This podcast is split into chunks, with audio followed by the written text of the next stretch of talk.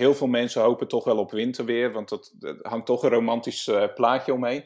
Dan kunnen we schaatsen, dan is er sneeuwpret. Dus dat is ook een verhaal wat mensen gewoon liever horen dan het verhaal we weten het niet of het neigt meer naar een zachte winter. Volgens meteoroloog Jaco van Wezel van Weer Online is het lastig te voorspellen of we een witte kerst en een koude winter krijgen. En volgen veel mensen vooral de statistieken die bevestigen wat ze willen horen. Dit is een podcast van ANP Expert Support. Deze dienst staat los van de ANP-redactie. Luna van der Waarde spreekt vandaag deze expert naar aanleiding van dit ANP-nieuwsbericht. De kans op een witte kerst mag dan dit jaar wat groter zijn. Standaard is het bepaald niet, zeggen weerkundigen. Voor een witte kerst moet beide dagen in de beeld een gesloten sneeuwdek liggen. Dat was sinds 1901 maar acht keer zo, voor het laatst in 2010. Ook in 2009 lag er sneeuw met kerst, maar daarvoor 28 jaar niet. Ik spreek met Jaco van Wezel van Weer Online. Hoe komt het dat de kans op witte kerst dit jaar groter is dan andere jaren?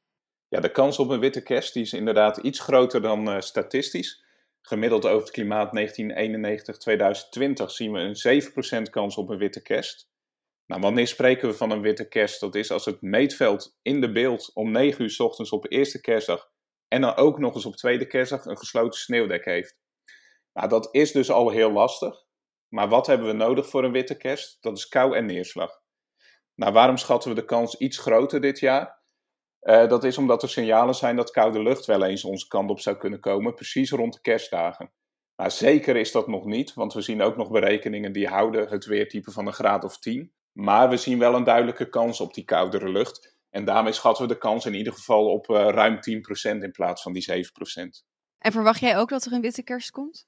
Nee, dat durf ik nog niet zo uh, te zeggen. Want juist als we te maken krijgen met die koude lucht, zou dat ook heel goed kunnen dat er geen neerslag bij valt. Dus dan hebben we wel een vorstige kerst, maar dan hebben we geen wit landschap. Nee, maar ieder jaar wordt er wel weer naar verlangd en we hebben het er ieder jaar ook weer over. En in kerstfilms zie je natuurlijk vaak sneeuw en er gaan ook een hoop kerstliedjes over de witte kerst. Maar in Nederland ja, komt het bijna nooit voor. Uh, hoe komt dat dan? Is dat omdat dan de kou en de neerslag elkaar niet op het juiste moment ontmoeten? Ja, dat heeft daar uh, zeker mee te maken. Want uh, zoals nu zouden we dus best te maken kunnen krijgen met een koude oostenwind. Maar die brengt dan droge lucht met zich mee en dan ontbreekt er dus aan neerslag. Wat het ideale scenario is voor een witte kerst, is dat het voorafgaand aan kerst koud is met vorst. En dat er vervolgens een neerslagzone vanaf de oceaan over Nederland heen trekt. En dat we nog net in de koude lucht zitten en dan kan er sneeuw vallen. En ja, dat scenario komt gewoon niet zo heel vaak voor in Nederland. En zeker niet in december, omdat we dan nog heel veel invloed hebben van een warme Noordzee voor de deur. En het land is ook nog warm, dus sneeuw blijft dan ook moeilijk liggen. Dus als ik het goed begrijp, is december eigenlijk te vroeg voor sneeuw. Dus dat is in januari of februari een iets grotere kans. Ja, wat dat betreft valt kerst verkeerd voor uh, de mensen die op een witte kerst hopen. Begin februari uh, zijn de kansen op een wit landschap gewoon veel groter. Ja, en als we dan uh, kijken naar de aankomende winter en dus ook de maanden na kerst.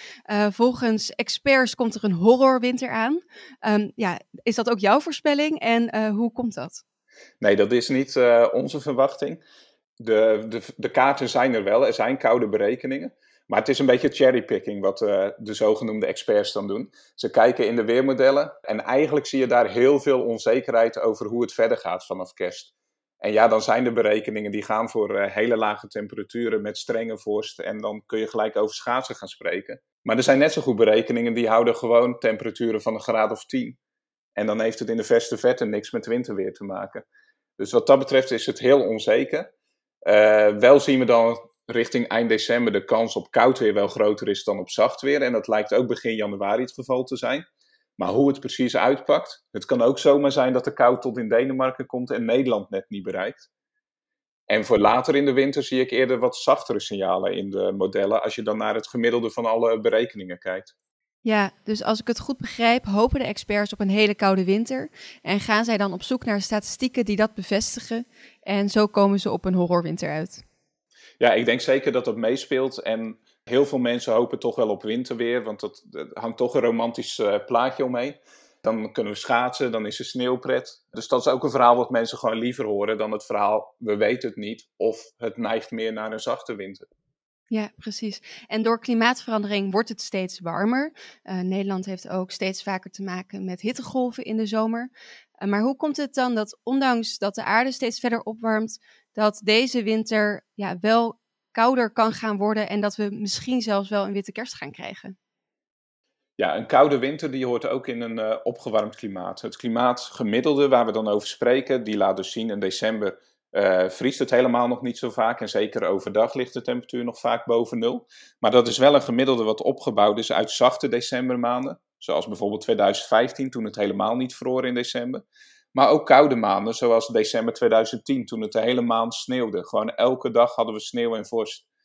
Nou, zo'n combinatie uh, zie je. En dan zie je ook hoe grillig het uh, klimaat in Nederland is. Dat je dus binnen vijf jaar van die extreme kan hebben. Van de ene kant op naar de heel zacht, naar heel koud toe. Die grilligheid, die blijft erbij horen. Ook in een opgewarmd klimaat.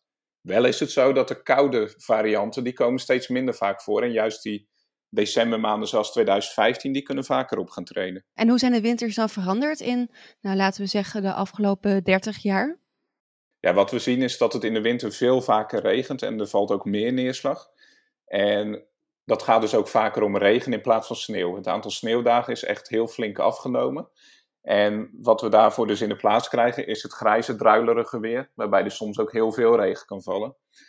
En het is daarbij ook een heel stuk zachter geworden. Het aantal vorstdagen neemt ook sterk af. En als je dan weer die vergelijking maakt met wat je net zei, in 2015 was het uh, nou, een warmere winter en in 2010 heeft het aan één stuk door gesneeuwd of lag er sneeuw. Uh, waren die extremen er in meer of mindere mate ook nou, 30 jaar geleden? Ja, die extremen zijn er altijd geweest, dus ook vorige eeuw. Maar winters waarin uh, echt wel sprake was van een horrorwinter dan. De hel van 63 is natuurlijk een bekende, die iedereen weet van de Elfstedentocht die toen gehouden is en uh, zo bar verliep. Nou, die, uh, die winters kwamen toen voor, maar tegelijkertijd waren er ook toen winters waarin er jaren op rij geen Elfstedentocht was. Dus de grilligheid heeft altijd in het klimaat gezeten. Het enige verschil wat je hebt is dat stel je pakt de winter van 1963 met de luchtdrukpatronen die er toen waren en je zou dat uh, nu in het huidige klimaat kunnen toepassen, dan zie je dat die winter toch net iets minder koud uitpakt, omdat gewoon de Noordpool bijvoorbeeld warmer is geworden. Dus de noordenwind vanaf de Noordpool, die voert minder koude lucht aan dan in het verleden. Ja, dus gemiddeld gezien wordt de temperatuur en de aarde gewoon iets warmer. Ja, maar daaromheen zit dus wel heel veel grilligheid. En juist koude uitschieters, die kunnen echt wel felle uithalen. Omdat er gewoon vanaf de Noordpool wel hele koude lucht nog komt. Ja, en wat zijn jouw verwachtingen van de Nederlandse winters in de toekomst? Uh, zie je ons over een paar jaar met de kerst op het strand zitten? Nou, op het strand, dat gaat weer wel heel ver. Maar als we die uh, december van 2015 pakken, toen hadden we een recordwarme kerst. Met 14 graden op eerste kerstdag en 14,4 op tweede kerstdag. Nou, dat voelde wel echt lenteachtig aan, want daar scheen de zon ook nog af en toe. Nou, dat soort uh, kerstedities kunnen we wel vaker gaan krijgen in een opwarmend klimaat. En wie weet tikken we wel een keer de 15 graden aan. Op andere decemberdagen is dat al gebeurd. En dat zou best een keer ook tijdens kerst kunnen zijn. Dus dan hebben we wel een lenteachtig gevoel. Maar nee, niet in de zwembroek op het strand. Nee, dat zit er voorlopig niet in. En dan de vraag die bij heel veel mensen in Nederland leeft. Verwacht je dat we een Elfstedentocht krijgen deze winter? Uh, daar kan ik echt dus geen uitspraken over doen. je, ziet, nee. je ziet de onzekerheid die ik uh, eerder heb verteld uh, ja. voor eind december en voor de rest van de winter. En ja, het moet dus heel erg mee gaan zitten, omdat we nu eenmaal steeds warmere lucht om ons heen hebben, is ook een koude noordenwind geen garantie. Dat hebben we de afgelopen decennia al gezien, dat we een paar keer best dichtbij waren, maar dan hoeft er maar net iets niet goed uh, uit te pakken. En er komt geen Elfstedentocht. Dus het wordt steeds moeilijker. Het wordt steeds moeilijker. Nou, we gaan het zien. Uh, alvast prettige kerstdagen. Ja, ook zo. En dankjewel. Graag gedaan. Deze en andere experts staan in de database van ANP Expert Support. Ga voor meer informatie naar anp.nl/slash expertcast. Dit is een podcast van ANP Expert Support. Deze dienst staat los van de ANP-redactie